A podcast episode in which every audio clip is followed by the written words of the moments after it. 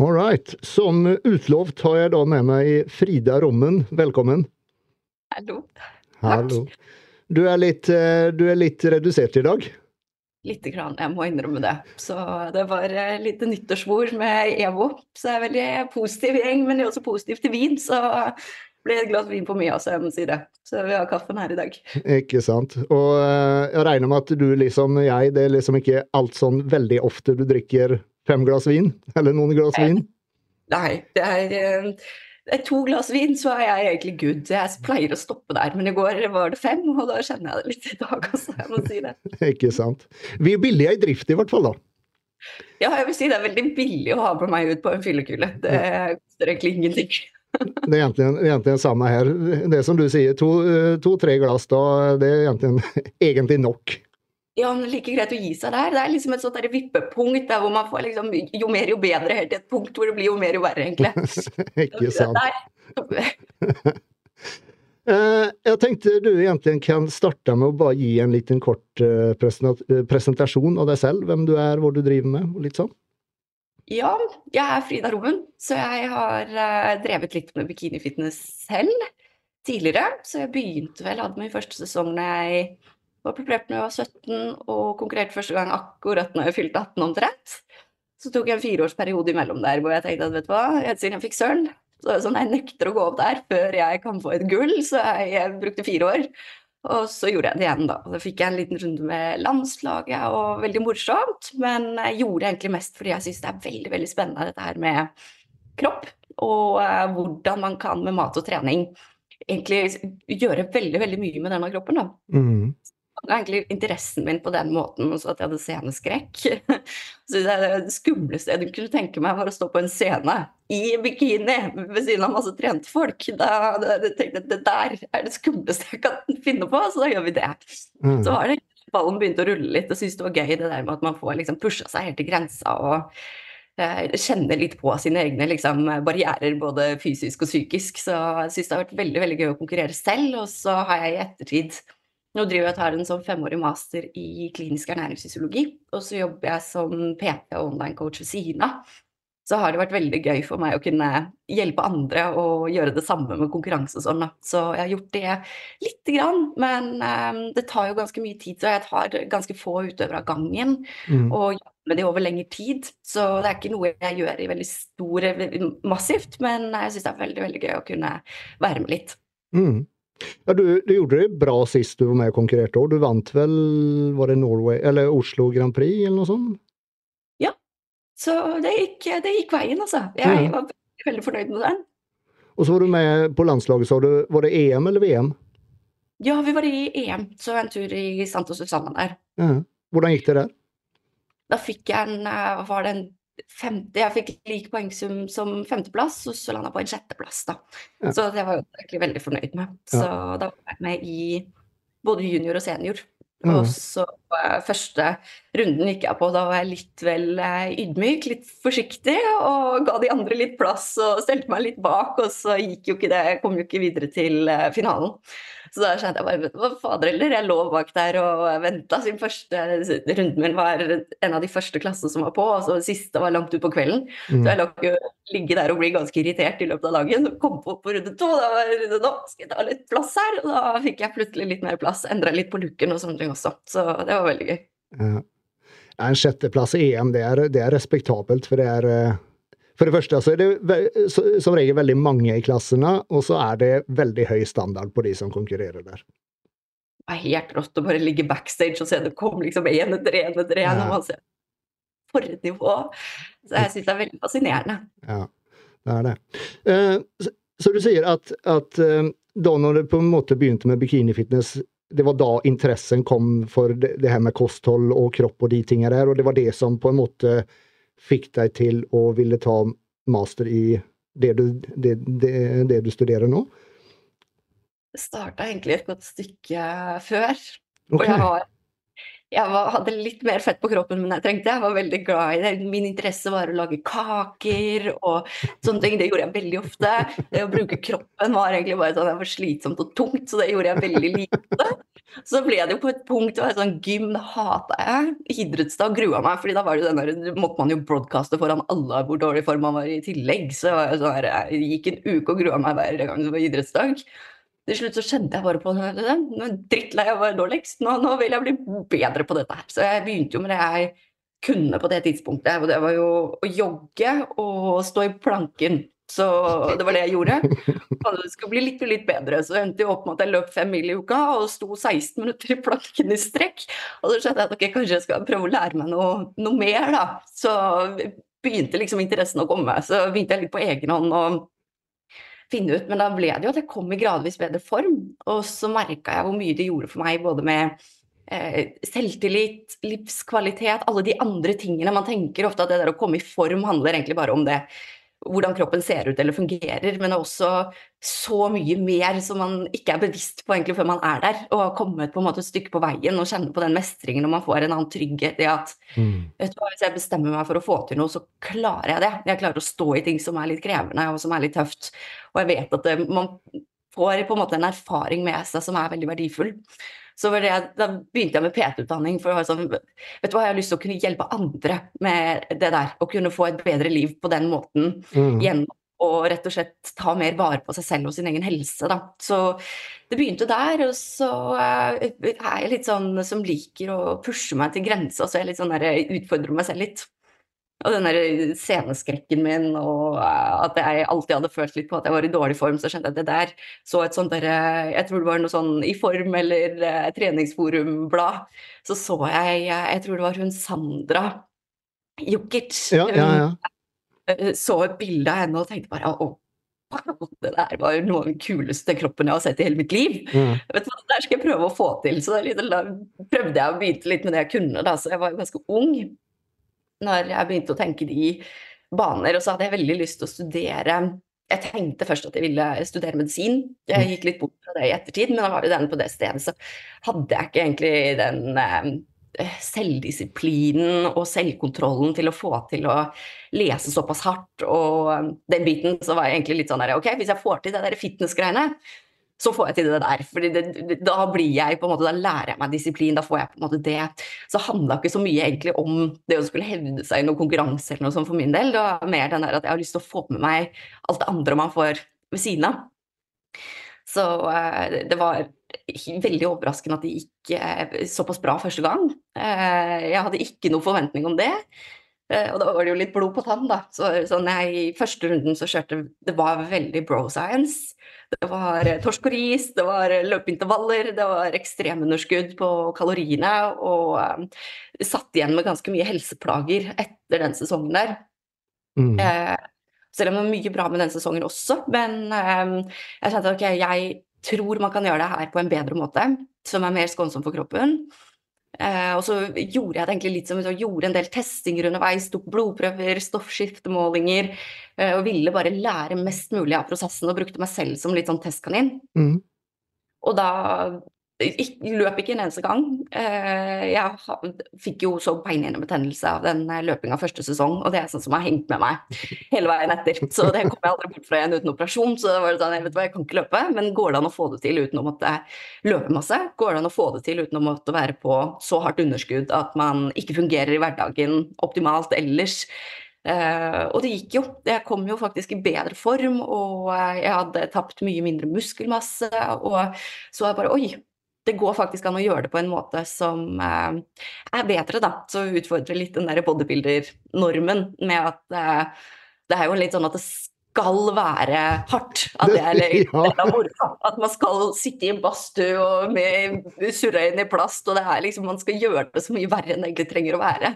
Dette her, og det er litt av på en måte kanskje herdinga som eh, var en del av pakka med kompetansenivået man hadde før, men man har jo egentlig kan veldig mye mer nå enn det bodybuilderne hadde av egentlig research og sånn på den tida. Mm, mm. Ja, det er, men det er, det er, fortsatt det som lever litt enn i dag. Det er liksom If you ain't suffering, you ain't do it, it right. ikke sant? Det er, det er, litt av den innstillingen fortsatt. Eh, men, men vil det si at du coacher deg selv eh, da siste preppen, eller? Da jobber jeg med en som heter Juma. Som, Juma, ja. Iraki, stemmer det. Så vi samarbeida litt. Så han eh, Vi jobba sammen på det tidspunktet. Eh, så var det litt sånn at vi sparra litt rundt dette her med ernæring, og at eh, vi gjorde liksom litt sammen, da. Så det var en prosess hvor vi brukte ganske lang tid og gjorde en del målinger og gjorde sånne ting, så det var veldig lærerikt og en morsom prosess, da. Så jeg gjorde mesteparten selv, men han var en veldig fin sparringspartner å ha på veien. Ja, han er utrolig kunnskapsrik. Ja, det er han. Så det var en læringsprosess eh, som bare det. Så eh, jeg syns det var veldig givende å gjøre det på den måten. Mm. Men bare det at du, at du, selv har gjort dette, det gjør jo også at For jeg tenker en, en som coacher andre utøvere, bør på en måte ha stilt sjøl, gjort det selv, så man vet på en måte ja, hvordan det føles i, i enkelte situasjoner. Og, og som du sier, bare at du har brukt deg selv som forsøkskanin, på en måte, ikke sant? Ja. Kjenne liksom hvordan det der underskuddet kjennes på kroppen. Yes. Hvordan man har det. Sitter og jeg husker jeg satt, kjørte bil, ble tuta på og begynte å grine. ikke sant? Man var helt emosjonelt ustabil mot slutten der. Så jeg på at Da kan man stå i det på en litt annen måte med de utøverne man har. at siden man føler seg ofte veldig aleine i den der at ok, nå er jeg helt rar og i ubalanse, og jeg vet ikke hva som skjer. I hvert fall, eh, jeg har jo bare tatt eh, utøvere som har vært helt ferske, som ikke har gjort det før. Mm. Og da går jo inn i det uten å egentlig helt vite hva man går inn i, og da ha en person som man kan liksom stå litt i det med deg og si at sånn her er det for det og det. At man ikke sitter med tanker om at nå, nå er jeg gæren. Ikke sant. nettopp. Nettopp. Mm. Um, jeg har en del uh, ting jeg har lyst til å spørre deg om i dag. Vi har jo med oss eh, litt av en ekspert. Men før, før, vi gjør det, så vil jeg stille deg kveldens viktigste spørsmål, som jeg veldig ofte stiller til dem jeg har med på podkasten her, og som er et, et Hva skal jeg si? Et gjennomgående spørsmål i podkasten. Ja. Eh, la oss si at du er på konkurranseprep. Og ja. så har du Juma som coach, og så sier han, og så eh, nærmer seg lørdag. Og så sier Juma til deg at vet du hva, i dag skal du få et uh, fritt måltid. Du kan, mm. du kan, velge mellom Burger King eller du kan spise sushi. Hva velger du? Jeg velger sushi. Nei. Er ikke det lov? Jo, jo da, det er lov, men jeg, jeg, jeg, jeg, personlig greier ikke sushi. Jeg skjønner ikke greia med det. Andreas, det må du øve på. Det er så godt, jo. Nei. Så vei oppå der, og åh, ja, ja, ja. En burger er bra, det òg, da. Men ikke Burger King. Jeg ville ikke gått for Burger King hvis jeg skulle hatt burger. Du, når du er på et skikkelig kaloriunderskudd, det er ingenting som slår Burger King. Det er faktisk Jeg skal innrømme en ting, at når jeg var ferdig med GP, det var burger jeg dro og kjøpte. Ikke sant. Du gikk ikke og spiste sushi da? Nei, det her er jo det jeg svarer når jeg sitter her på fint kalorioverskudd, så det kan hende du har rett. Altså. ikke sant. Nei da, det er bra. Er det handling sier mer enn ord, sier det. Så vi kan kanskje lene oss på den her. Ja, ja. ja ok. Så vi sier Burger King, da. Tror det, faktisk. Ja, det, ja, det er bra. Mm. Uh, anyways. Uh, jo, det dukker opp et spørsmål her uh, i en pod vi hadde før, før jul. Ja. vi fikk et spørsmål fra en lytter som lurte på om nå husker jeg ikke helt åssen det var, om hun selv hadde opplevd at hun hadde um, hatt um, Eller da etter en konkurranseprep, at hun opplevde lavt stoffskifte. Mm. Er det Eller på en måte Jeg vet jo såpass at, at, kroppen Når du på en måte drar ned kaloriene og er i kaloriunderskudd, så svarer jo kroppen med å senke forbrenninga. Såpass vet jeg. Men, mm. men er det faktisk et tema at på en måte at at forbrenningen ikke blir ødelagt, men at den, etter en konkurranseprøve at den forblir veldig lav over en lang periode. Er det et tema, eller? Den, det tar ofte ganske mye lengre tid å normalisere etter en prep enn det folk har en forventning om. Uh, og man tenker at ok, jeg er på, på kanskje prep i seks måneder, og så skal det ta én måned å komme tilbake til normalen. Mm. Så er jo alt som reguleres ned i løpet av en prep, fordi sånn som du sier, at dette her med kroppen er veldig fintuna, og man tenker at man lurer kroppen og det ene og det andre. Man lurer ingen, altså. Den er altfor lur for oss. Så den regulerer jo ned når vi trekker ned kaloriene. Så blir det jo at kroppen ønsker å møte det nye, lave kaloriinntaket. Så mm. det er jo en av mekanismene som har gjort at vi som art har overlevd. Og de, de som hadde de genetiske variantene som gjorde at stoffskiftet ikke regulerte seg ned, de døde jo ut i de periodene når det var sult, fordi da hadde jo ikke kroppen noen måte å konservere energi på, sånn at de tæra ned alle energireservene, og så rett og slett sultet i hjel. Så det er jo en av de mekanismene som har vært veldig viktige for vår overlevelse tidligere, og så henger det med, og så har samfunnet egentlig utvikla seg såpass mye raskere eh, enn kroppen vår. Sånn at i dagens samfunn så er det jo ikke de egenskapene er jo ikke så hensiktsmessig i veldig mange deler av verden. Og man har jo mange mekanismer for å hindre for bratt vektreduksjon, men man har ikke så mye den andre veien. Mm. Eh, ser man at Det skaper jo andre typer problemer. da. Så dette med stoffskifte, vi er så avhengig av det at tilpasser seg, fordi det tilpasser seg jo eh, Man tenker jo at det tilpasser seg over tid, sånn som når man er på kaloriunderskudd, men det er jo også den at eh, man kan f.eks. en dag ok, man rekker ikke frokost, og så rekker man kanskje ikke å spise før kvelden. Og at man da klarer å holde energien ok i løpet av dagen, er jo fordi at stoffskiftet rett og slett tilpasser seg hele tiden det vi gjør. Mm. Så som ofte sliter eh, i ettertid siden det er det at kroppen skrur ned egenproduksjonen, og så begynner man ofte å spise. Eh, rett etter konkurranse så er det jo noen coacher som ikke følger opp nødvendigvis like tett. Og eh, utøverne har ikke den samme retningen og strukturen som de er vant til. Og så følger de med kroppens signaler. Og det som også skjer, det er jo dette at kroppen skrur ned stoffskiftet, men øker jo også sulthormon. Så man får en sånn helt sinnssyk ulvehunger som man ikke mm. har når man har vært i energibalanse lenge.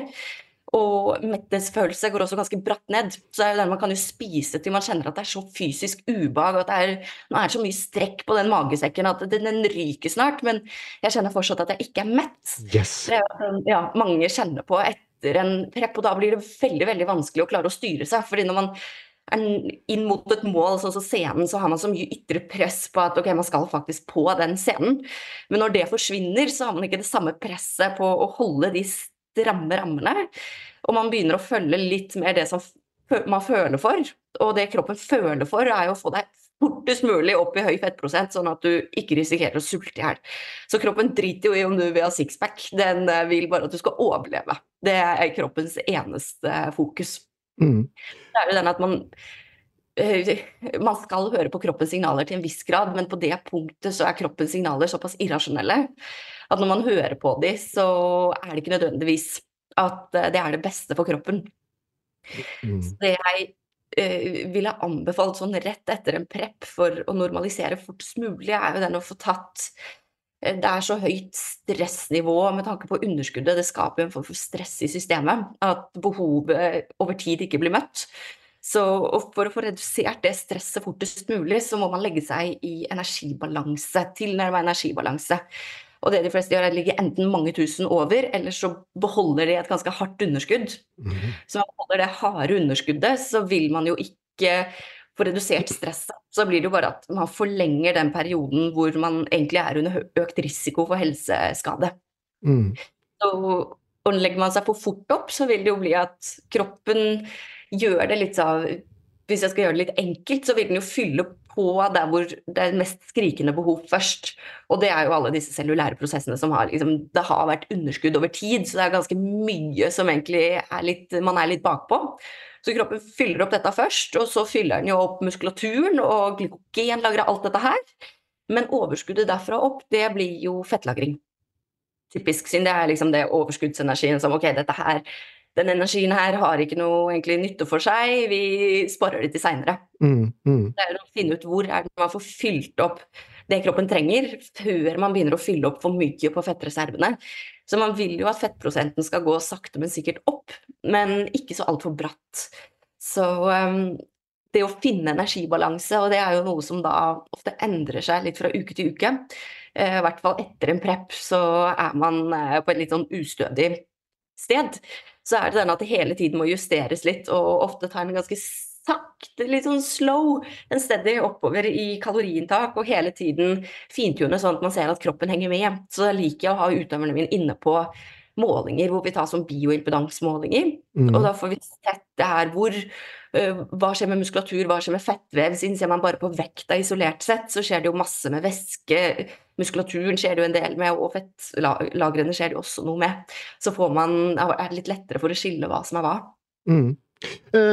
Jeg mener jeg har lest eller hört eh, på, eh, på noen podcaster att eh, just det med grelin og hva heter det andre hormonet? Leptin, leptin som er da det, det vil si sult og eh, eh, sult og metthetshormon.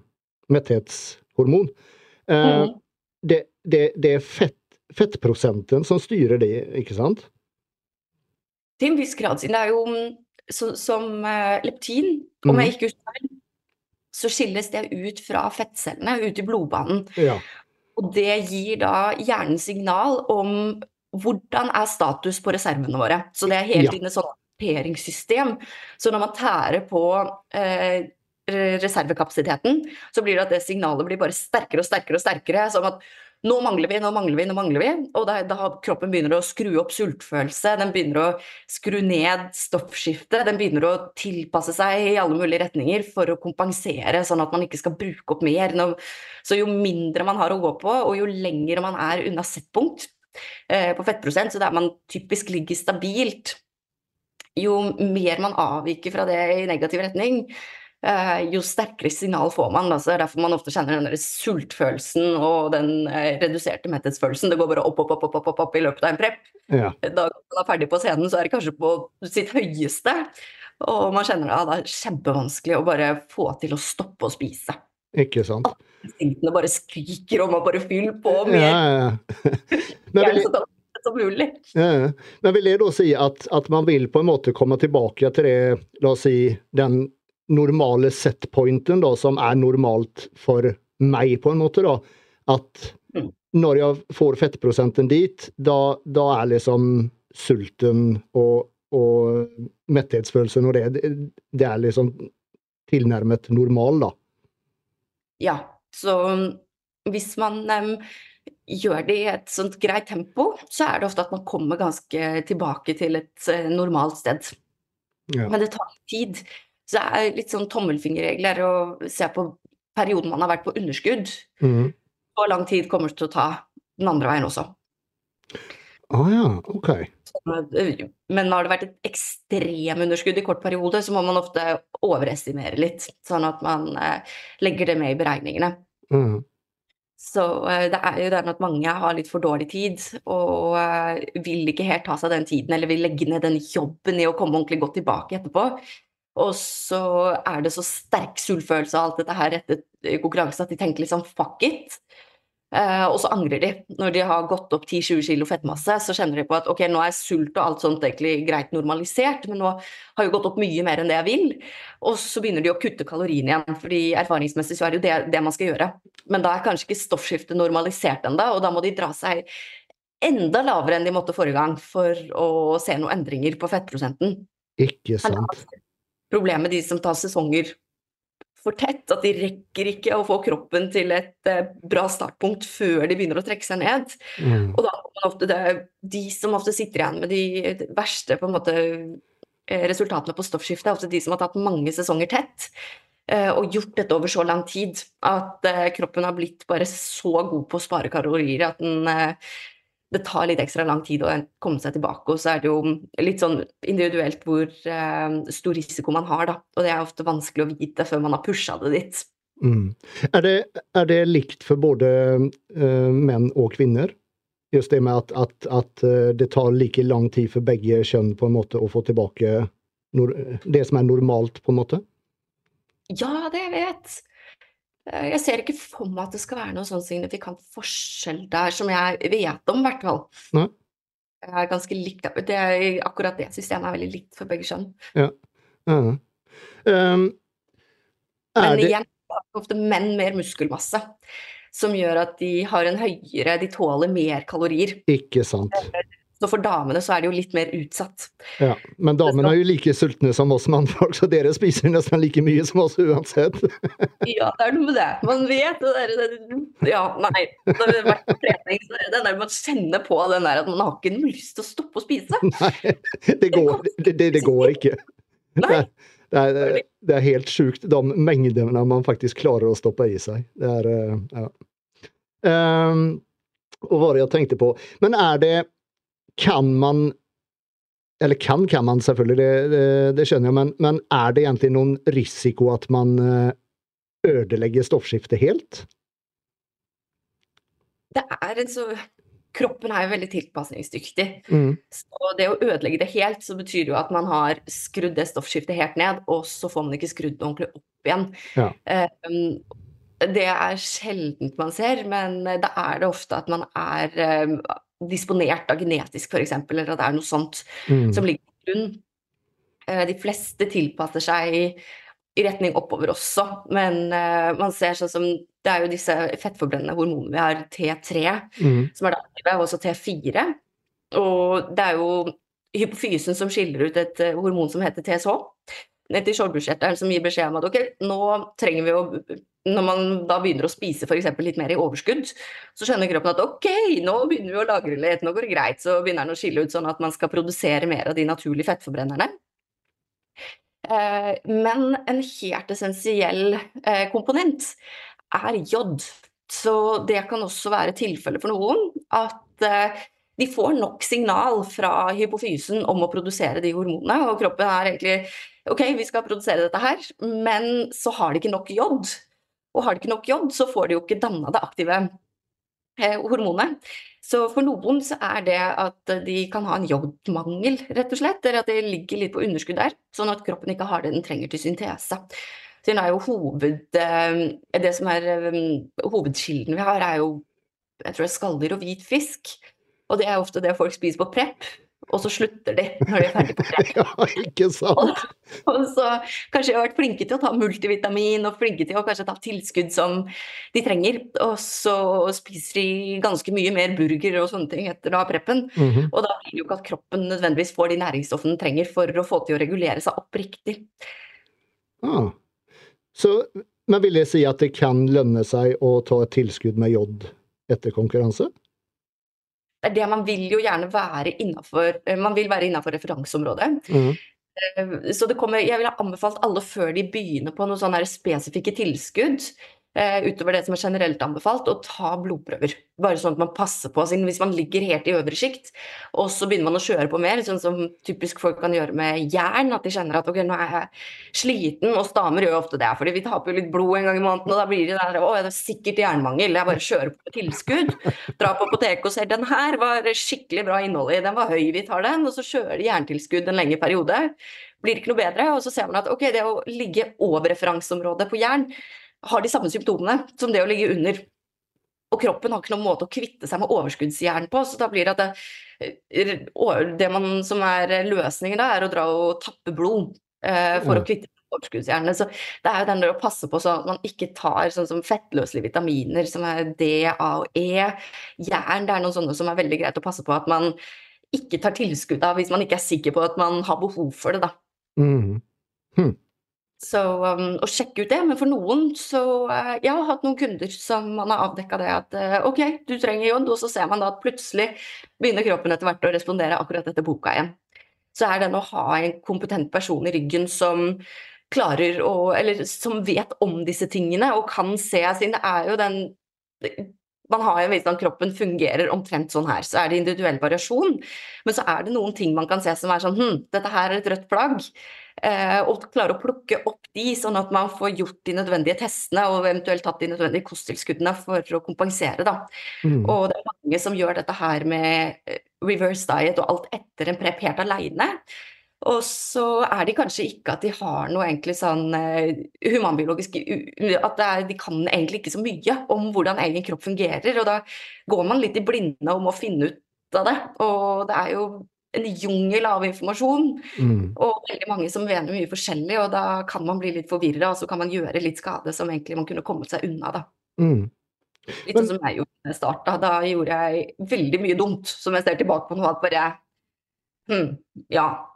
Der kunne jeg kunne liksom fått de resultatene på halvparten av tida, hvis Ja. jeg bare hadde kunnet litt mer enn jeg kunne da. Ikke sant.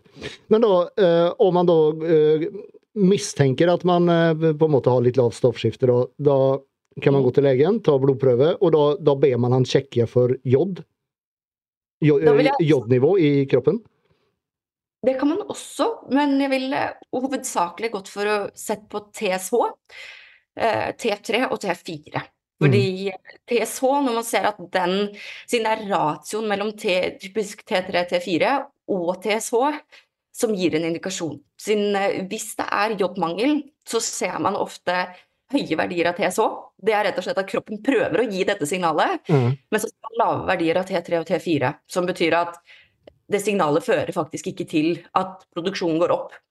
Så hvis man ser det, så kan det ofte være jobbmangel. Men hvis man ser lav TSH også, eh, det er, legen er ofte veldig god på å hjelpe til med den biten der, og de vet liksom hvor referansegrenser og alt er, så man får god hjelp eh, på tolkning av disse tingene. Men eh, å se på de tre er kanskje de jævlig godt for å se på hvis man var interessert i stoffskifte. Mm. Og eventuelt også dra inn og ta hvilestoffskiftemålinger. Ja. Rett og slett at man måler hvor mye kalorier kroppen faktisk forbrenner, siden man kan jo kalkulere det ved disse generelle ligningene.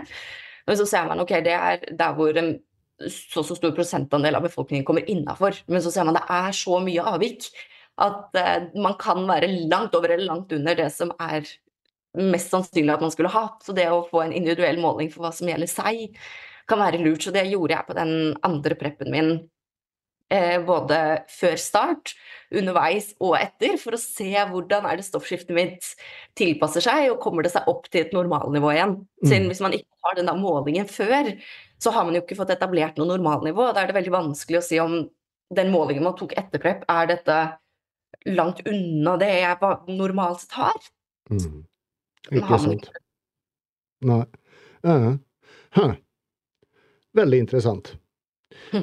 Men i hvert fall for å sammenfatte, så eh, man må regne med at det tar litt tid etter en prep for å få tilbake eh, det som er normalt for meg eller deg eh, med stoffskifte. Eh, og det kan ta opptil like lang tid som du faktisk brukte på preppen. Ja, Mm. så beregna det. Så hvis man er ferdig før, så kan man heller få en positiv overraskelse. Ja, ja, ikke sant? Ikke sant. Eh, og det er veldig lite risiko egentlig å ødelegge stoffskiftet om man ikke ja, gjør noe veldig drastisk, da. Ja, så det er når man ligger ekstremlavt på kalorier mm. Det er den Jeg ville aldri anbefalt noen å ligge under det som heter basalmetabolsk rate uh, i signifikant grad. Så det er jo hvor mye kalorier kroppen forbrenner i hvile. Så hvis Mm. man da eliminerer alt som er av muskelaktivitet eh, Og det er veldig mange som legger seg langt under det. oh yes. at de starter på et sted der hvor de, de er ikke klare for å starte en prep. Mm. Men så har de kanskje en coach som sier at dette går eh, fint, vi bare kjører litt ekstra hardt. Eh, Men så ser man at det å kjøre ekstra hardt gjør at det øker risikoen eksponentielt. Så eh, det er ikke verdt det. Og heller bare ta seg litt mer tid, og passe på at man har også god nok tid på en prep. Mm. Sånn at man har tid til å f.eks. ta en liten pause midt på der hvor man ligger i energibalanse. At man får gjort disse tingene sånn at man ikke dytter det helt i ekstremen. Fordi det gjør jeg med alle utøverne mine. har gjort det at vi eh, hele implementerer ting i løpet av hele preppen for å hindre disse adaptasjonene som skjer i stoffskiftet. Fordi det er jo det når man kjører på beinhardt og er på ekstremunderskudd flatt over lang, lang tid, så er det veldig mye større skadeeffekt enn hvis man prøver å buffre skadeeffektene hele veien, og gjør det fortløpende. Så å jobbe litt preventivt under prep gjør at man sparer seg for veldig mye arbeid i ettertid. Ja. Og så det som du, som du nevnte tidligere, da, at man på en måte, når du da starter en prep, at du faktisk at, at stoffskiftet er normalisert, at du har et normalt stoffskifte når du starter. For ellers så blir du mer eller mindre nødt til å gå mye lavere enn sist prep, og, da kanskje du faktisk må gå under da, eh, den basale eh, Ikke sant? Jeg merker at man kan ligge kjempelavt uten at det egentlig skjer noe. Nettopp. Helt flatt. Det er ofte et sånn varselsignal på at nå eh, må man gi kroppen litt, litt pause. Mm. Mm. Så er det mange som er så mentalt styrt at det er sånn, den kroppen skal bare fungere som en maskin, og jeg har bestemt meg for at jeg vil dette her. Kroppen får bare henge med, og så Kroppen vinner hver gang. Prøver man å slåss med kroppen, alle som har prøvd på det, har Mm. fått kjenne på den der at det går ikke. Den kroppen vinner, altså. Det, man må ha den på lag. Hvis man ikke har den på lag, så gir man seg selv så mye motbakke og motvind at eh, det er ofte ikke verdt verdt det når man kommer i mål en gang. Når man ser på innsatsen det kosta å komme i mål når man ikke hadde kroppen på lag, så koster det rett og slett for mye, da. Mm. Og det er derfor det er så viktig det, det å når du faktisk er, er, ferdig med preppen Noen jo, vil jo gjerne holde på formen, ikke sant. Man liksom elsker den formen man er i. Man vil ikke begynne å legge på seg igjen. At man går da og prøver å holde den konkurranseformen. Ja, det går så og så lenge, men til slutt så, så orker du ikke mer. Og så begynner du bare å spise, ikke sant. Mm. Man ser ofte det. Det er ikke noe Jeg har ikke sett noe forskning på det, det er veldig vanskelig å egentlig forske på, men man ser den med at det er assosiasjon med den der bratte vektøkningen. Mm. Jo brattere man øker i vekt, jo mer sentralt legger fettvevet seg. Så blir det mer viseral lagring, mer lagring rundt midja, og det er den det er noen hypoteser om at okay, det er kortest transportvei, eh, og kroppen ønsker jo å flytte energien der hvor det er eh, typisk der hvor det er mest energiforbruk. Så hvis man gjør det litt sånn sakte, men sikkert, så blir det ofte litt sånn jevnt fordelt, og at man går opp ganske likt. Nå har jeg gjort kalipermålinger på en del, ganske mange mennesker etter en prep. Så ser man forskjell, siden da har man målinger på tykkelsen på underhudsfettet på forskjellige deler av kroppen. Ja. Ned. Og så på de som gjør det på den måten som jeg vil, da, de som faktisk hører på meg, så ser man at de ting legger seg veldig jevnt, og så er det ofte at de typisk eh, ender på et sted der hvor de på samme fettprosent har mindre fett rundt midja og inne eh, blant eh, organer. Mens de som går totalberserk og går opp veldig bratt på veldig kort tid, så ser man at målene rundt midja og viseralt de går opp veldig mye brattere enn eh, resten. Så da får de en høyere lagring rundt midja når de eh, går opp. Men det er ofte sånn som er dynamisk over tid, da. Så um, det er litt sånn eh, fascinerende. Så det er liksom noe jeg har merka meg, men jeg kan ikke si noe for sikkert eller konkludere med noe der. Men det er litt sånn interessant. Ja, det var veldig interessant. Det, det har jeg faktisk aldri hørt. Huh. Og du ser Sånn som med viseral lagring også, det, det er jo det fettet som legger seg eh, mellom eh, organer og tarmer og sånne ting, og skaper volum fra innsida. Så er mm. den, Spesielt i fitness så vil man jo ha midja så smal som mulig, og det er jo ofte det de fleste kjenner på når de skal opp igjen også, at det er den der, de vil beholde den der høyte midja og litt sånn konturer av der sixpacken er og sånn. Og da er det å trene styrke, fordi det er korrelert med eh, omvendt at jo mer styrketrening man gjør, jo lavere viseral lagring har man. Ja på samme fettprosent. Så man mm. ser folk Det er typisk sånn man kan se også, hvis man ser rundt seg på de menneskene man har rundt seg som eh, trener, eh, og har trent over lengre tid. De har ofte et smalere midjeparti på en høyere, eller på lik fettprosent som noen som ikke trener. Så har de mer rundt midja, eh, og du kan ha samme fettprosent. Så det er litt sånn hmm, kroppen er ganske lur, så da skjønner jeg liksom, bruker man de musklene mye, så må man jo legge energireservene rundt der hvor energien trengs. Mm, mm.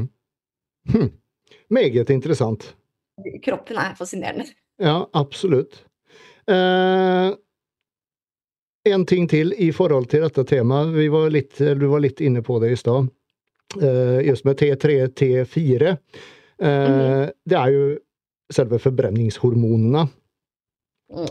Eh, og noen eh, kan jo få lyst å bruke sånne da, etter, etter, en prep, kanskje, eller også under en prep, for så vidt. Hva, er, hva kan eventuelt være risikoen med å gjøre det? Ut, uten lege sin innsyn, tenker jeg da. Ja, der, der, da begynner man å leke litt med skjebnen eh, i forhold til dette her med å ikke få stoffskiftet opp igjen. Fordi det man da gjør, er jo at man supplerer inn sluttproduktet. Så den TSH Hele den prosessen den er veldig fintuna med masse feedback loops. Og så lurer man jo da kroppen til å tro at å ja, når jeg har så lav produksjon, så lav utskillelse, så har jeg fortsatt så mye av disse hormonene kroppen gidder ikke å jobbe hardere enn den må, så legger den seg helt tilbake og så tenker den, ah, da kan jeg slappe av, det her eh, skjer av seg selv. Og så kanskje ser kroppen at oi, det er ganske mye mer C3 enn det jeg egentlig burde ha her med tanke på situasjonen. For jeg trenger ikke så mye med tanke på å sikre overlevelse nå. Mm. Så begynner jeg bare å skru ned og ned og ned og ned. Og det de fleste gjør som putter i seg ting, det er jo ofte at de tenker at det er jo mer jo bedre. Og det er liksom effekten, den når man ser det på sånne kurver, så er ofte effekten brattest på lavere doser, og så er den avtagende med høyere doser. Mm. Men ser man side-effektene, de er lave ved lave doser, og så øker de eksponentielt. Så ved det krysningspunktet så er det de fleste tar såpass mye at det er høyere skadeeffekt enn det er effekt. Og der kan man se at man kødder til kroppens egen produksjon da, av disse hormonene. Så da, Så da kan man faktisk fucke opp uh, stoffskiftet? det er, ja, jeg vil tro det. Det er nok ganske så god sannsynlighet for at man sliter litt med stoffskiftet i ettertid da. Mm. Ok. Veldig interessant. Uh, vi må ta en kjapp eh, reklamepause. Ja. Skal vi se.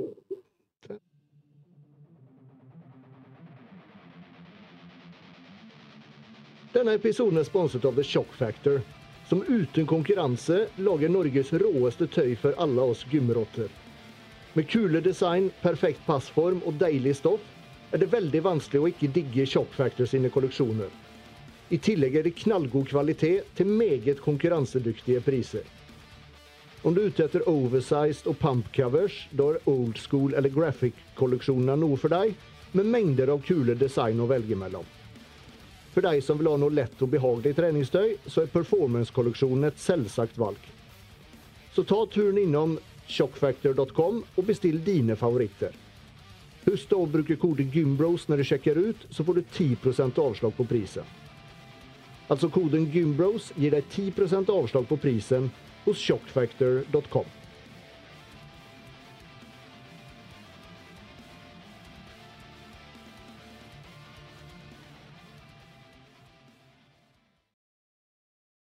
All right, da er vi back. Um, da skal vi se. Jeg har en liten liste med ting her. Det liker vi. Jo, uh, just i forhold til dette og, eh, og på en måte uh, Når man starter en prep, da, at, at på en måte da skal stoffskiftet være normalt. Uh. Men så hører man ofte mange, mange snakker om at de passer på, eller passer på å Eller prøver å spise mer da, før de begynner på en prep. Kan, Mm. kan man øke stoffskiftet på en måte over normalen? Slik at Mm. det er høyere enn det som er normalt, slik at man kan ligge da enda høyere på kaloriene på dietten enn hva du kanskje kunne på sist prep. Er det, er det egentlig mulig? Ja.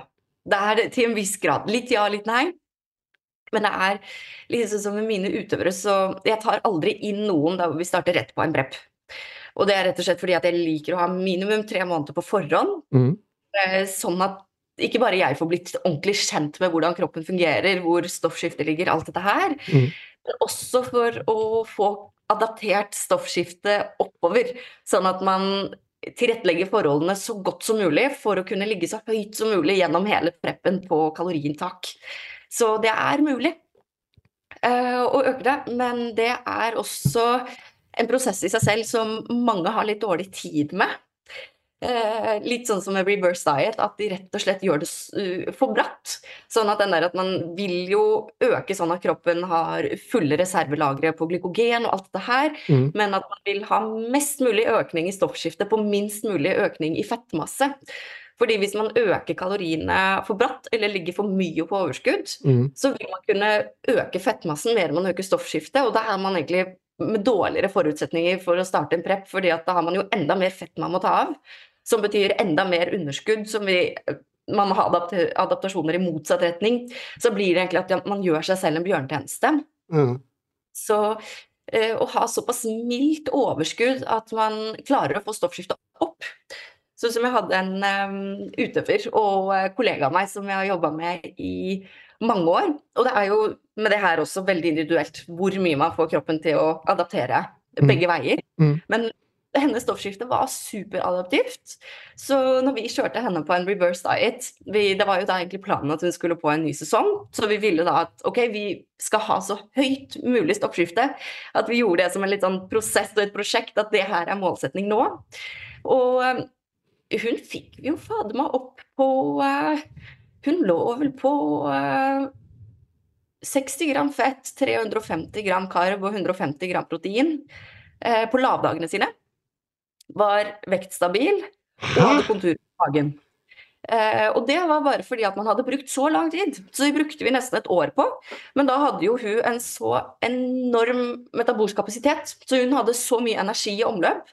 Eh, men kroppen hennes hadde klart å tilpasse seg hele veien. Så det er den der å se der også er det veldig fint å kunne ta målinger, sånn at man følger med på okay, hvor mye øker muskel og vann. Siden det er ofte en korrelasjon med Når man ser at vannmassen går opp, så er det jo ofte fordi at man har mer glykogen. Siden det binder jo med seg noen gram vann hvert eneste gram med glykogen. Mm. Så at man ser hvor mye av vektøkningen av vann og muskulatur, hvor mye er fettmasse.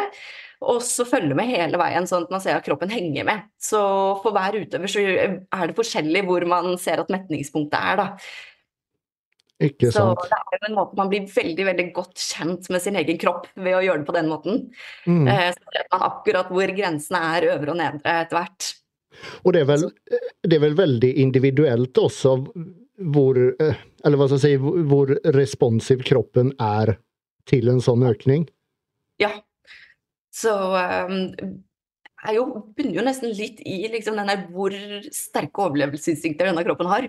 Ved å tilpasse seg uh, omgivelsene. Det er jo litt sånn survival of the fittest, og hvor godt klarer man å tilpasse seg et endrende inntak, endrende miljø, endre mm. omstendigheter, rett og slett. Så det er jo ofte den at kroppen er mer adaptiv når man er yngre, kan man typisk se. Mm. Og når man blir eldre, litt sånn som man uh, jeg jobber jo som PT også, og har en del kunder som er mellom 40 eh, og 70. Og på damefronten så er det jo liksom gjennomgående at ja, hvis jeg, jeg må spise så lite for å ikke gå opp i vekt. Mm. Og da er det jo ofte at det kan bunne litt i det at stoffskiftet adapterer ikke så mye opp lenger. At man er litt mer begrensa i hvor store utsving kroppen klarer å kompensere for. Ja, ikke sant. Ikke sant. Det er individuelt for individer og for det samme individet i løpet av livet, da. Så det kan endre seg også. Mm. Um, om, om, om, på en måte Om du skal gi en rekommendasjon på hvordan man, man uh, La oss si at, at uh, man skal starte en konkurranseprep om, uh, om et halvt år, da. Ja.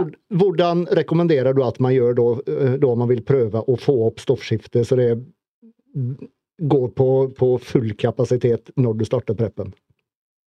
Da vil jeg um, tatt og funnet ut først og fremst hvor er energibalanse. Hvor er det man er i null, sånn at man har det tydelig etablert. Og så blir jo det noe man må gjøre fortløpende underveis, fordi det også endrer seg. Og det er det som er ønsket, at uh, hvor man er i energibalanse skal øke. Mm. Så at man øker i såpass lite, det er litt sånn som styrketreninga og når man vil bygge muskulatur, så er det at man må øke progressivt over tid i belastning, så kroppen får mer belastning å um, jobbe mot. Mm. Og det er det samme med kaloriene. At uh, man ser at hvis man øker for fort på f.eks. benkpressen, så kommer man jo plutselig dit at okay, nå klarer jeg ikke en eneste rep. Og så har man økt og økt og økt, og så har man økt med litt for store hopp. Så det er litt det samme med maten, at man må ta øke kanskje med 1,25 kilo eller en halv kilo. At man gjør det sakte, men sikkert, sånn at man sørger for at kroppen klarer å adaptere fortløpende. Og da ser man at man kan ha en mye lengre progresjonskurve enn hvis man øker veldig bratt, så stopper det litt. Så må kroppen adaptere. Så kroppen får ikke adaptert fortere enn den klarer. Så enn å se litt hvor er min kropp sin pace, hvordan kan jeg øke for at jeg skal kunne øke over lengre tid, og ikke bare i noen uker før det blir en sånn ok, nå møtte jeg en vegg. Mm, mm. Der mange er litt overivrige, at de har for dårlig tid. Og det er litt sånn samfunnet vi lever i også, at liksom alt skal gå så fort. Og yes. det liksom, man får noen tips på TikTok, og alt skal bare være tre ting man skal gjøre, og hit og dit. Og så tenker man det her er, det tar dette på en uke, og så undervurderer man sin kroppen. Den henger ikke med på denne TikTok-tempoet, den er fortsatt i steinalderen. med det tar tid, og det er, man er ikke helt Det er veldig lite tilfredsstillende for menneskehjernen å være tålmodig. Ja. Jeg kjenner i hvert fall veldig igjen i det selv. Så jeg trengte på en måte å få den kunnskapen for å se verdien i å bruke den tiden. Og I starten så var det bare den der at det, jo lengre tid det tok, jo lengre tid var det jo før jeg var der jeg ville. Men så ser jeg at det, for å oppnå et ordentlig, ordentlig godt resultat, så er det ikke noe shortcut, da. Men, men, men, er det bedre å på en måte å, å, la At man følger med på vekta, og la oss si at man går opp eh, 0,25 kilo i uka. Er det bedre å følge med på, på vektoppgang, eller i, sted, i, stedet for at man kanskje sier at ok, nå skal jeg øke kaloriene med 100 per uke, da? Ja. Eh, ja, siden den er litt sånn cookie cutter-plan der hvor det er man øker med så og så mye, og så gjør en hel gruppe mennesker akkurat det, så ser man at det, det funker for de fleste, men så er det alltid en ja, ja. modell som det ikke funker for. Så å individtilpasse det til sin egen kropp er Veldig viktig. Og det viktigste å følge med, da, uh, følge med på, vil jeg si at er ratioen mellom økning i fettmasse og økning i muskelmasse og vann. Fordi det kan, man kan finne sånn ok, på et 200 kaloriers overskudd så er ratioen god. Men på et 400 kalorier overskudd så er den suboptimal. Er jeg på 600, så egentlig skyter jeg meg selv i foten. Mm. Mm. For noen så er det kanskje at de kan ligge på et overskudd på nærmere 1000 eh, fra baseline, og det fortsatt eh, Det kan man typisk gjøre de første, første uka, kanskje, etter en konkurranseprep hvor man legger seg litt opp, siden da er det så skrikende underskudd på så mange plan at kroppen har så mange eh, ting som må ta tak i, da, som trenger energi. Mm. Men jo lenger man har ligget på et lite overskudd, jo mindre er det jo eh, av dette som akkumuleres over tid. Og da blir det jo at man til slutt eh, ikke kan øke mer. Ja. Så følg mye på da hvor mye man øker i fettmasse, siden det kan endre seg hele veien. Og hvis man går gjennom f.eks. noe med mye emosjonelt stress, eller man sover dårlig en periode, så kan det hende at uh, kaloritoleransen er ganske mye lavere akkurat den perioden enn det som er normal, sånn at man er litt sensitiv på sitt eget system og måler fortløpende. Mm. Um, og da regner jeg med at det er eh, karb som, som, man øker. Man, man prøver, prøver, å holde ned, eh, eller holde fettet der eh, på det normale, så å si. At man kun øker eh, karbinnholdet i kosten. Ja, det er jo sånn enkelt fortalt en, mellom 0,5 og 1 gram fett per kilo kroppsvekt er det som kroppen trenger det mer for å sikre syntese av eh, f.eks. kjønnshormoner, som er man mann og driver med bodybuilding, så er den å på en måte ha begrensa testosteronproduksjon er jo å gi seg selv veldig mye motvind og motbakke. Mm. Så at man sikrer at kroppen får det den trenger for syntese av det.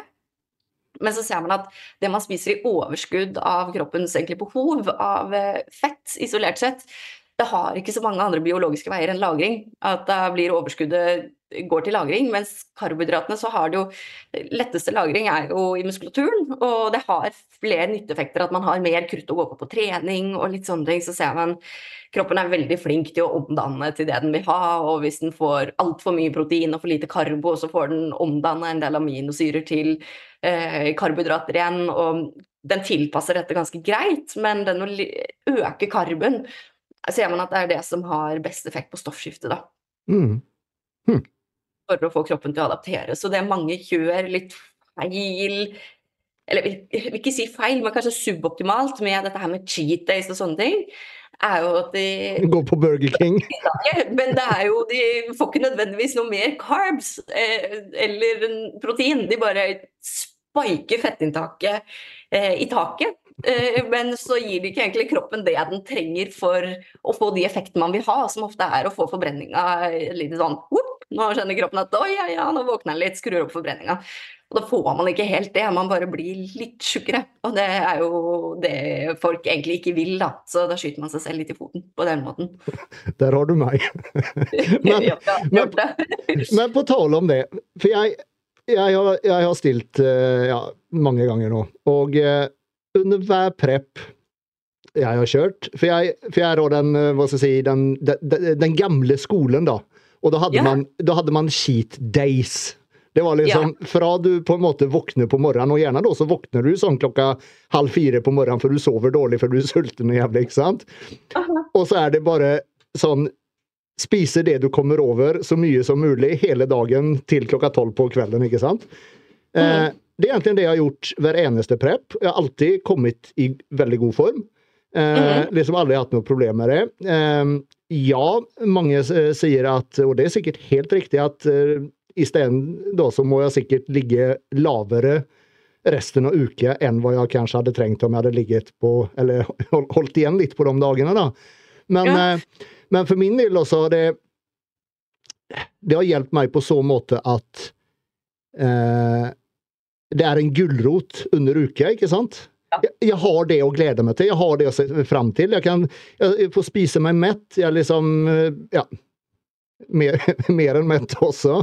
Men da er det jo, som du sier, da, det er liksom pizza, burger, eh, potetgull, sjokolade. Det er liksom alt det som jeg egentlig ikke trenger. Men, mm. men mi, mi, mitt spørsmål, da. Eh, av å ha en sånn høydag i uka, eller la oss si en spisedag, da, kan du mm. faktisk spike forbrenninga på, på, på, på kun én dag? Kan man det? Man ser at uh, effekten på stoffskiftet, den er best hvis man har uh, øker i karb isolert sett. Mm. Så man får ikke helt de samme effektene. Det er litt sånn som du har gjort, at du har spist masse. Du vil få effektene, men du vil ikke maksimere de positive effektene og minimere de negative effektene.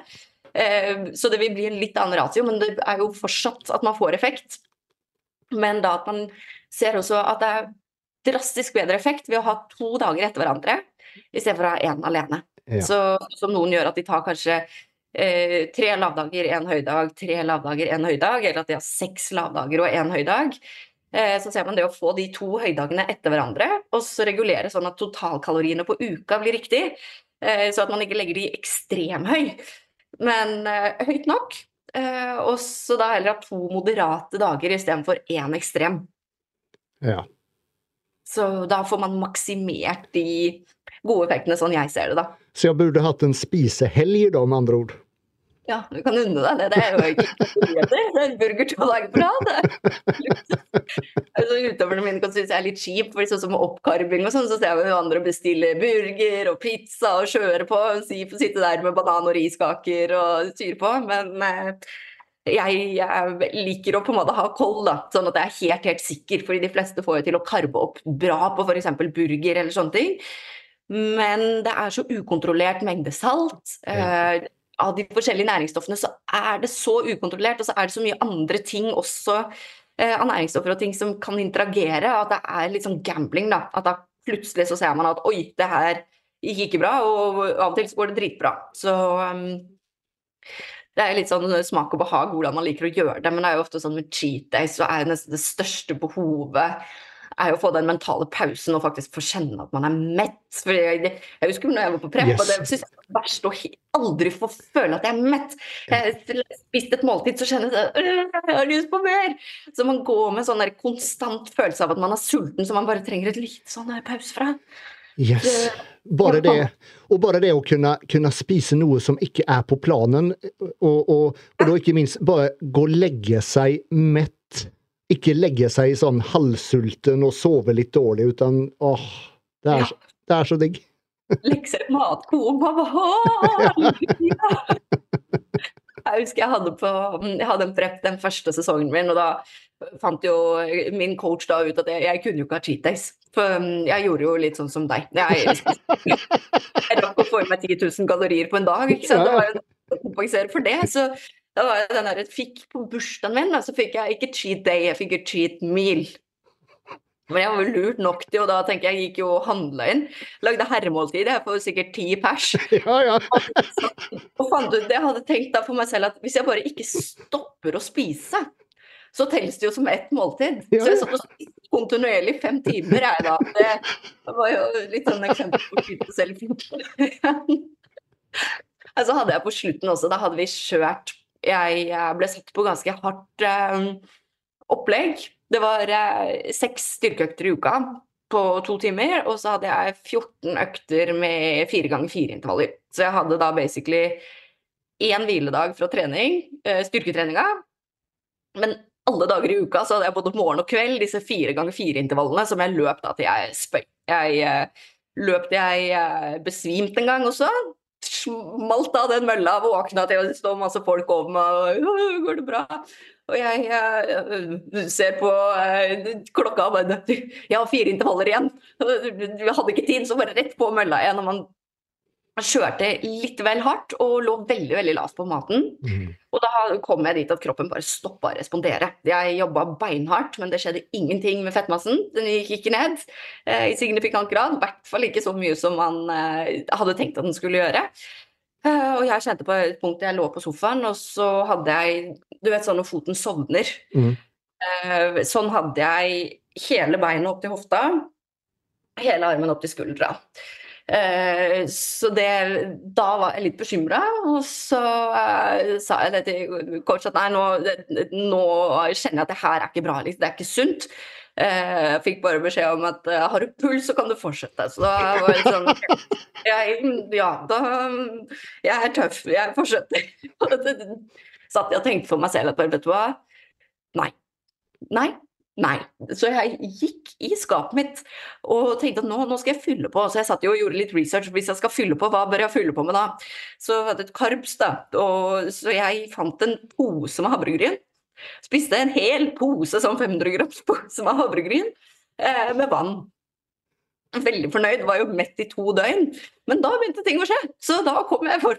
Så det er den der finurlige hvordan eh, av og til den fant jo ut i ettertid det her med at jeg mista, mista følelsen i armer og bein og sånn, det er jo fordi at jeg var eh, rett og slett kroppen hadde begynt å spare på blodsirkulasjon og alt. Så da er liksom kroppen tyna til et punkt, og da blir stress eh, Stresshormonene i kroppen de er jo ikke akkurat på vårt lag når vi skal ned i fettmasse. fordi man ser jo at da med samme kaloriinntak og sånne ting, så ser man at de øker mer i fettmasse, de som er utsatt for mer stress.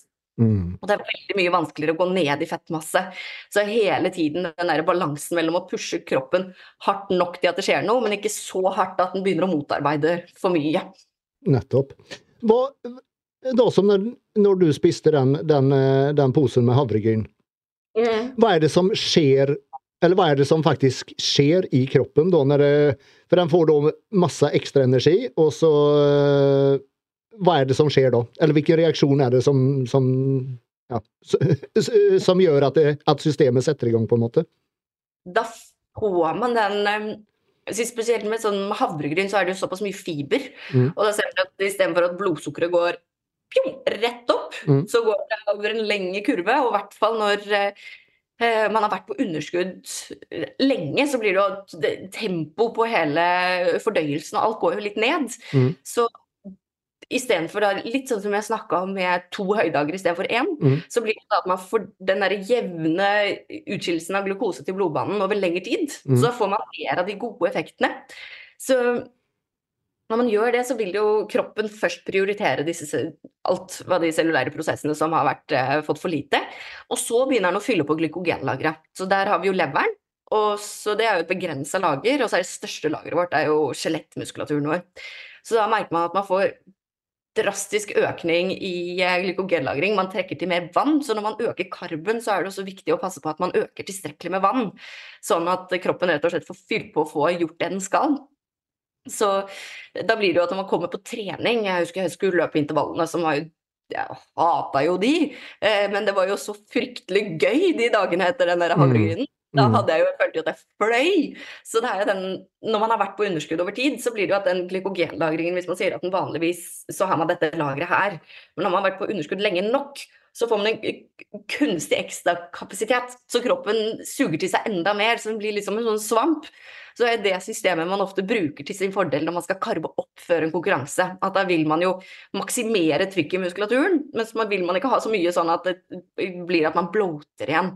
Så den å da økte jeg jo, maksa jeg jo ut, så da fikk jeg jo masse trøkk på trening. Eh, brukte rett og slett mer energi. Da blir Man kjenner ofte også at man kan bli litt varm eh, når man har spist mye karbo. Eh, mm. Mer enn man er vant til. Mm. Eh, I hvert fall hvis man har vært på underskudd. Og det er jo fordi at kroppen prøver å kvitte seg med overskuddsenergien. Og varmeproduksjon er eh, en av eh, måtene kroppen har. Og da vil jo også stoffskiftet det tilpasser seg litt opp. fordi at oi, nå, nå, er det jo ikke noe krise lenger, nå må vi jo eh, normalisere ting. Og så går kaloriene ned igjen dagen etter. Så da får man jo den at kroppen tilpasser seg ned igjen litt saktere eh, enn man da øker, kutter kaloriene. Og da blir jo differansen der blir jo reduksjon i fettmasse. Ja. Typisk.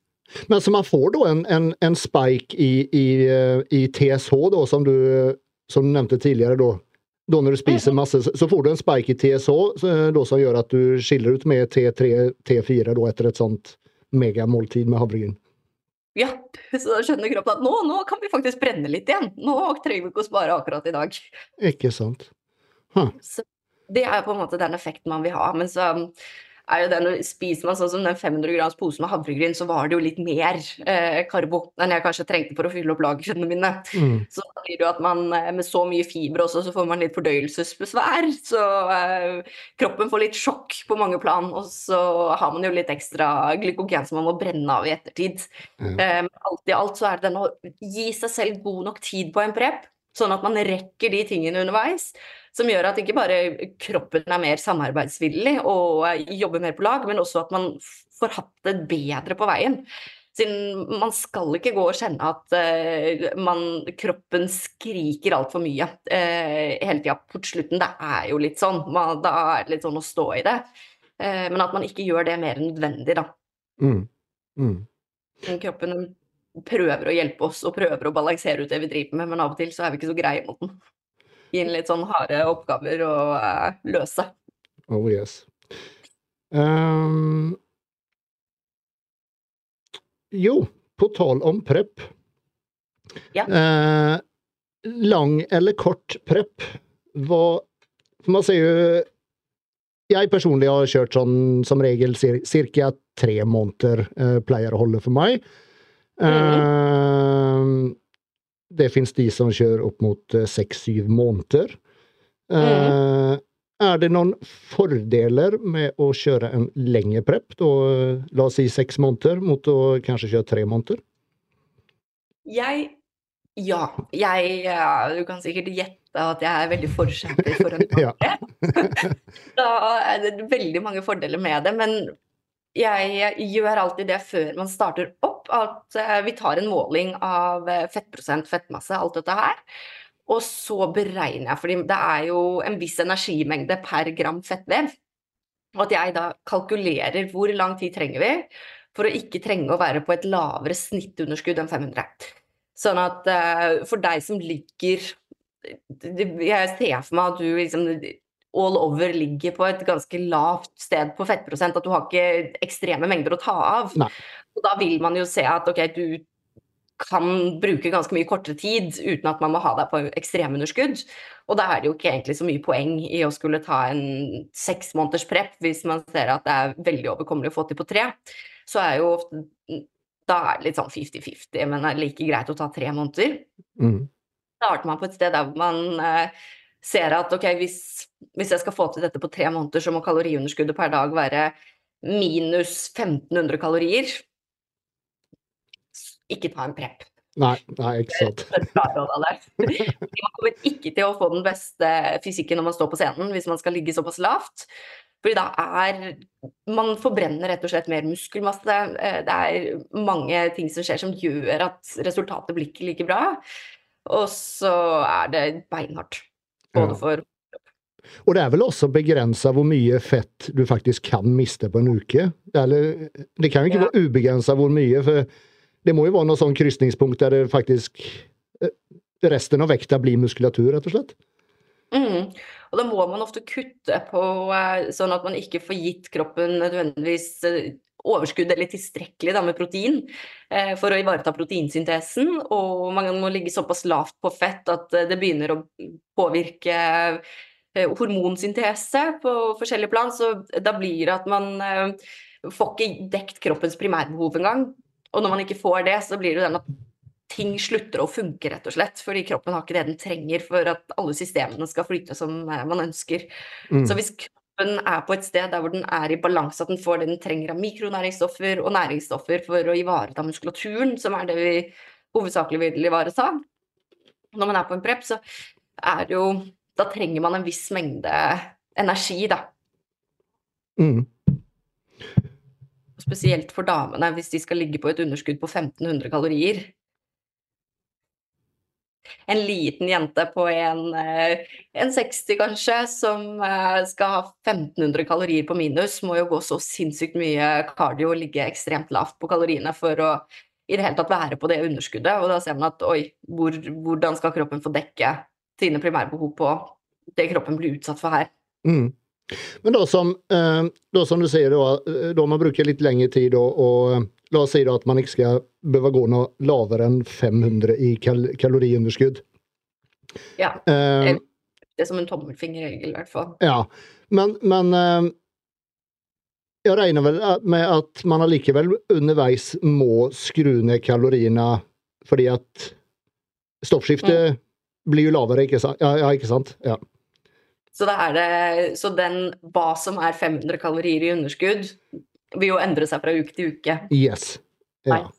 Men hvordan, hvordan, følger du med på det? Eh, tar du, si, tar du noen målinger for å finne ut om på en måte den eh, basalforbrenninga har endret seg fra uke til uke? Eller, eller skrur du bare ned kaloriene et visst antall hver uke, eller hvordan gjør du det? Eh, det er ofte mm, Jeg har ofte utøverne innom på en uh, formprosjekt hvor jeg bruker både bioimpedansvekt, den som man står på, uh, og måler motstand på forskjellige typer vev. Mm. Så ser man muskulatur, og så tar jeg ofte kalipermålinger i tillegg. Mm. Den der kalipa som måler tykkelse på underhudsfettet. Mm.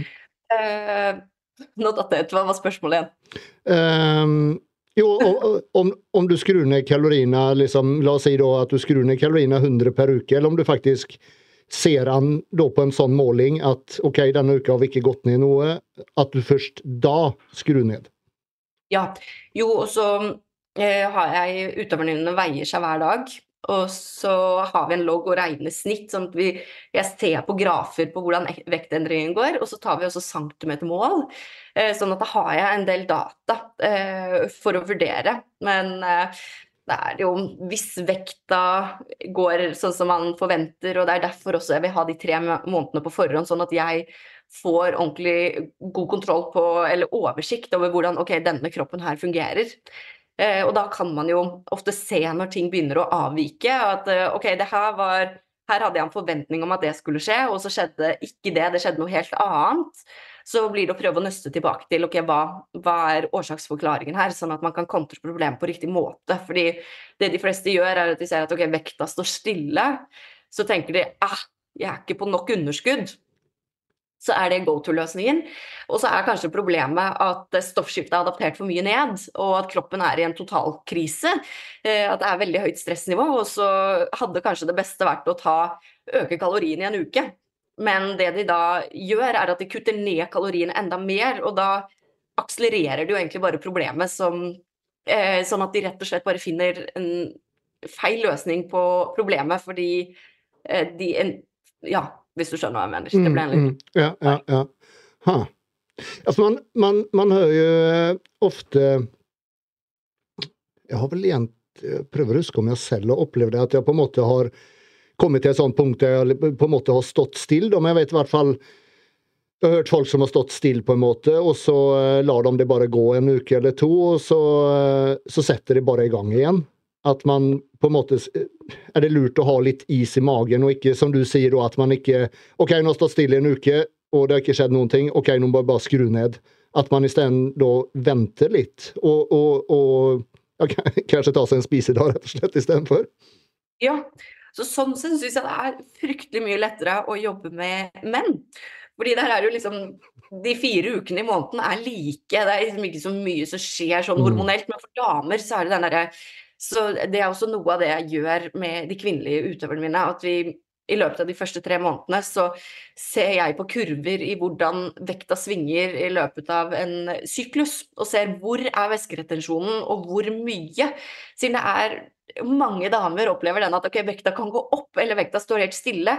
Og så er ikke det en tanke som nødvendigvis faller inn at det kan være hormonelt betinga? At jeg egentlig går ned i fettmasse, men at det er vannvekta som går opp mm. fordi at jeg har PMS, eller hva det måtte være. Mm. Sånn at man, hvis man ikke er klar over det, så kan man jo kanskje oppleve i mange perioder at det ikke skjer noe, eller ting går feil vei.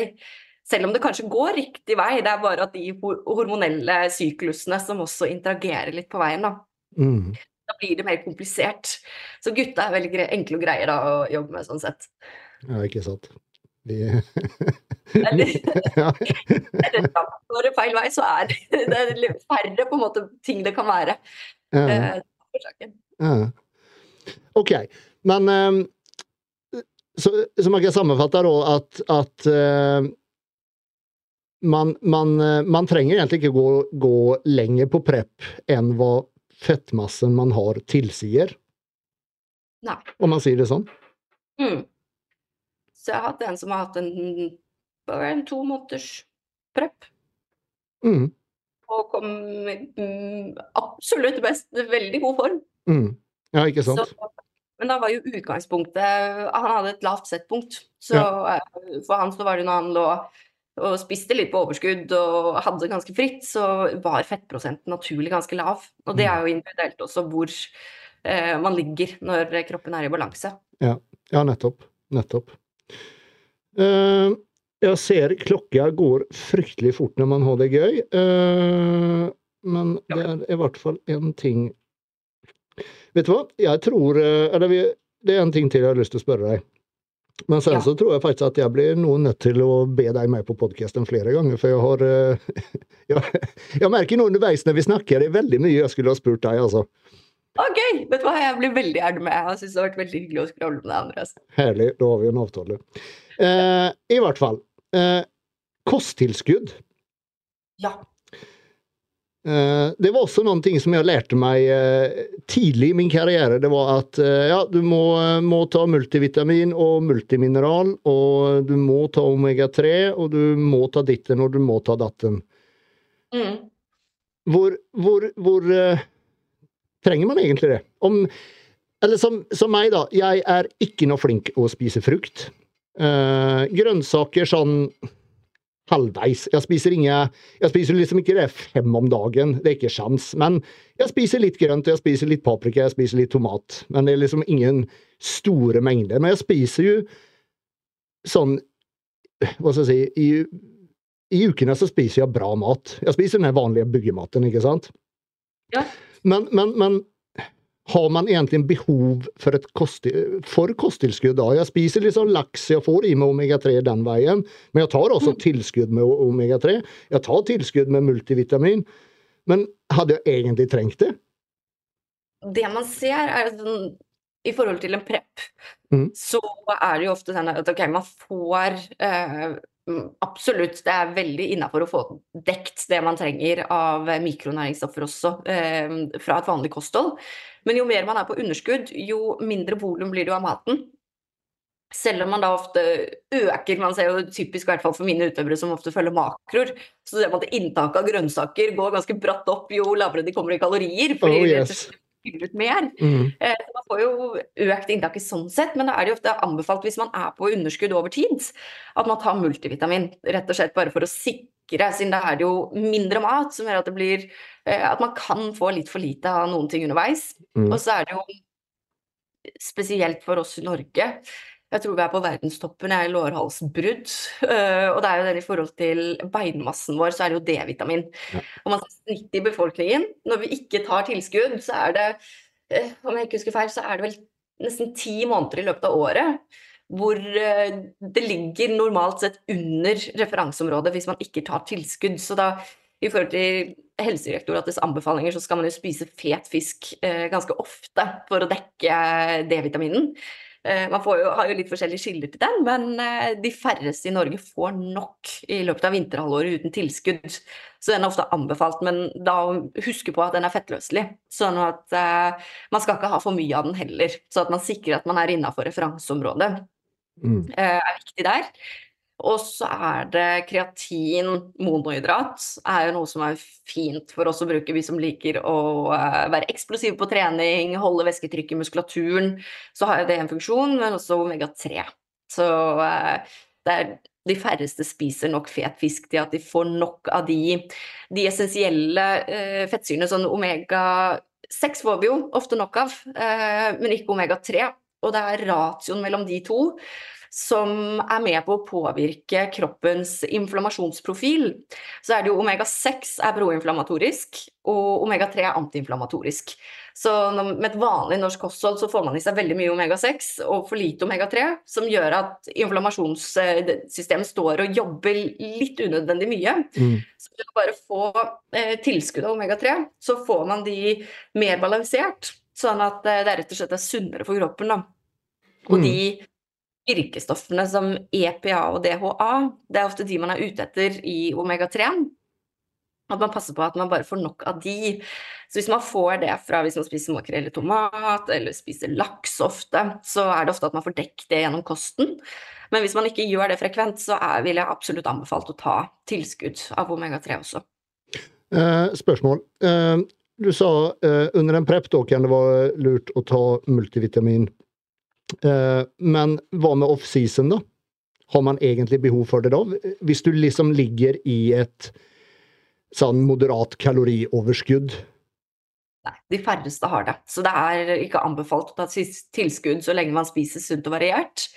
Eh, og er man ikke i et eh, underskudd, så skal det ikke være nødvendig å ta multivitamin. Fordi det er jo også den der at man vil ikke ligge for høyt eh, på forskjellige vitaminer og mineraler heller. Mm. Så å få det fra kosten det ser man også ofte på en del studier, at det er det som gjør det veldig vanskelig med ernæringsforskninga. fordi sånn som med medisiner, så får man jo Ok, man kan gi en gruppe en medisin, og så gir man en gruppe placebo. Men med mat så er jo det er så mange komponenter som virker sammen og interagerer, og det er, skal absorberes fra tarm. Det er så mye som skjer, så det er veldig vanskelig å pinpointe okay, hvilket næringsstoff er det som faktisk funker, og hvordan funker det i kombinasjon. Sånn som ser man på omega-3-tilskudd versus å få omega-3 i sin naturlige form fra f.eks. fet fisk. Mm er effektene fra det bedre. Eh, men man har ikke helt den der tydelige linken på hvorfor. Ehm, men det om man klarer å få dekket det fra et sunt og variert kosthold, så er det det beste man kan gjøre. Ja, ok. Så tilskudd mer når man ser at man ikke kan få det dekt ved kosten, sånn som på ekstremunderskudd. Mm. Da fikk vi svar på det. Ehm, på tale om det du snakka om eh, med D-vitamin. Jeg, mm. jeg oppdaget det for det mange år siden nå. da. Jeg var hos lege. For jeg, jeg var så jævlig trøtt. Jeg var så trøtt og sliten. Og det har jeg liksom alltid hatt problemer med just når vinteralvoret kommer. Jeg blir helt mm. mongo. Mm. Eh, Vår legen, tok blodprøve, og da fant jeg ut at jeg var lav på eh, D-vitamin. Ja. Men, eh, men, det holdt jo i, i, ikke i nærheten bare med det her vanlige lave tilskuddet på 15 mikrogram. det. Jeg må jo liksom skikkelig opp i dosene for at jeg faktisk skal få en effekt av det. da. Ja. Eh, og jeg må ha det året rundt, for ellers så går jeg rett, rett under referansenivå. da. Ja. Så siden det er jo den D-vitaminen som man da tar eh, og spiser, så er det jo Den skal gjennom ganske mange prosesser før den begynner å fylle opp kroppens lager. Så det er jo den derre Hvor stor prosentandel får man observert fra tarmen? Kan hende at man har f.eks. Eh, færre reseptorer for det og tar opp en mindre prosentandel enn det en annen person kunne gjort. Mm. Så Ehm, det er den å følge med, altså, som du sier. Men jeg tror jo eh, at det her med i Norge man ser høye tall på vinterdepresjon, og så ser man veldig høye tall på D-vitaminmangel. Jeg tror jo kanskje det er en link der. At det er mange som kan gå og være slitne. Og det er jo en sånn det er tyngende også for psyken at man kan gå litt mer ned. og da uh, fyller man på med D-vitamin, og så bare 'Å, jeg var jo ikke deprimert. Det der går bra. Det er fint med vinter òg.' Altså, det er denne at det er eh, Kroppen er jo Alt henger jo litt sammen. Ja. Så det å ta med jevne mellomrom, litt sånn, i hvert fall en gang i året, og sjekke hva ståa er, ville jeg uh, anbefalt. Mm. For å sikre at uh, Siden det er ofte at man kan gå med å ligge over eller under referanseområdet uten å egentlig merke det helt tydelig at det er det det er. Det er greit å sjekke, da. Ikke sant. Jeg regner med at du, du får mange sånne aha-opplevelser nå under studiene, på en måte når du, du lærer deg ting, du leser om ting, og, og at det er så bare aha, det er derfor? Ja, det er sånn når du kan se tilbake på prep, og så bare Ah, det var derfor det var sånn eller sånn eller sånn. Mm. At det var det som skjedde i kroppen min som jeg ikke skjønte da. Og nå driver jeg jo i forbindelse med masteren min, så søkte jeg meg inn på en eh, eh, forskergruppe der hvor de eh, har hatt en gruppe på eh, jeg tror 120 mus vi har hatt på diett i tre år. Så de har blitt fordelt på fem forskjellige diettgrupper, mm. hvor alle har fått like mye kalorier. Og så er det én gruppe som har fått mer karbo, mindre fett. En som har fått mer fett, mindre karbo, så alle har fått samme proteinmengde. Og så er det noen som har fått restriksjon på metionin, cystin, noen har fått mer omega-3. Og så ser man så har man tatt eh, blodprøver underveis, man har tatt glukosemålinger underveis. Og så eh, på slutt, eh, avlivningstidspunkt, så har man da tatt ut vevsprøver av muskulatur, lever, hjerne. Og så gjør vi masse forskjellige analyser for å se på okay, hva skjer med de forskjellige typer vevene når man spiser på en bestemt måte gjennom et Det blir jo da et livsløp, så ser jeg om det er overførbare effekter til mennesket også. Um, så veldig, veldig spennende. Huh. Så jeg skal oppdatere deg hvis vi finner ut et eller annet kult. Ja, ja, ja veldig gjerne. Veldig gjerne. Uh, all right. Uh, da skal jeg ta og la deg gå. Uh, er, det, er, det, noe du har lyst å eh, si sånn til slutt? Om, eh, om noen vil eh, få hjelp av deg til, eh, til PT eller coaching etc., hvor finner man deg da?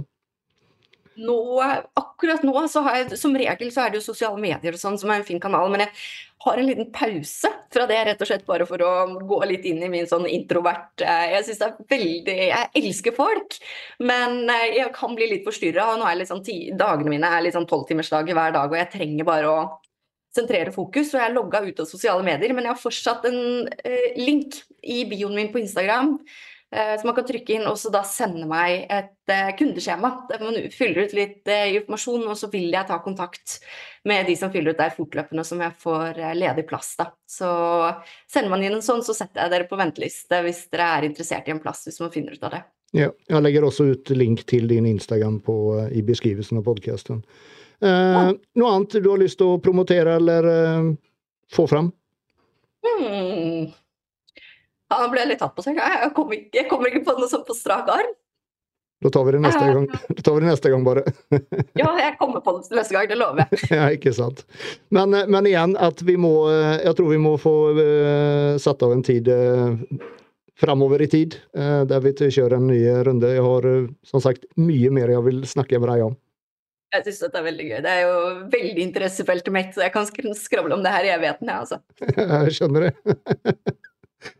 Veldig bra, Frida. Tusen hjertelig takk for at du tok deg tid nå på lørdag ettermiddag og ble med. Tusen takk for at jeg fikk bli med. Det her var veldig hyggelig. Nøyet er helt på min side. Så uh, du får en fortsatt uh, kjempefin lørdag, så uh, snakkes vi. Det gjør vi. Ha det så lenge. Ha det godt.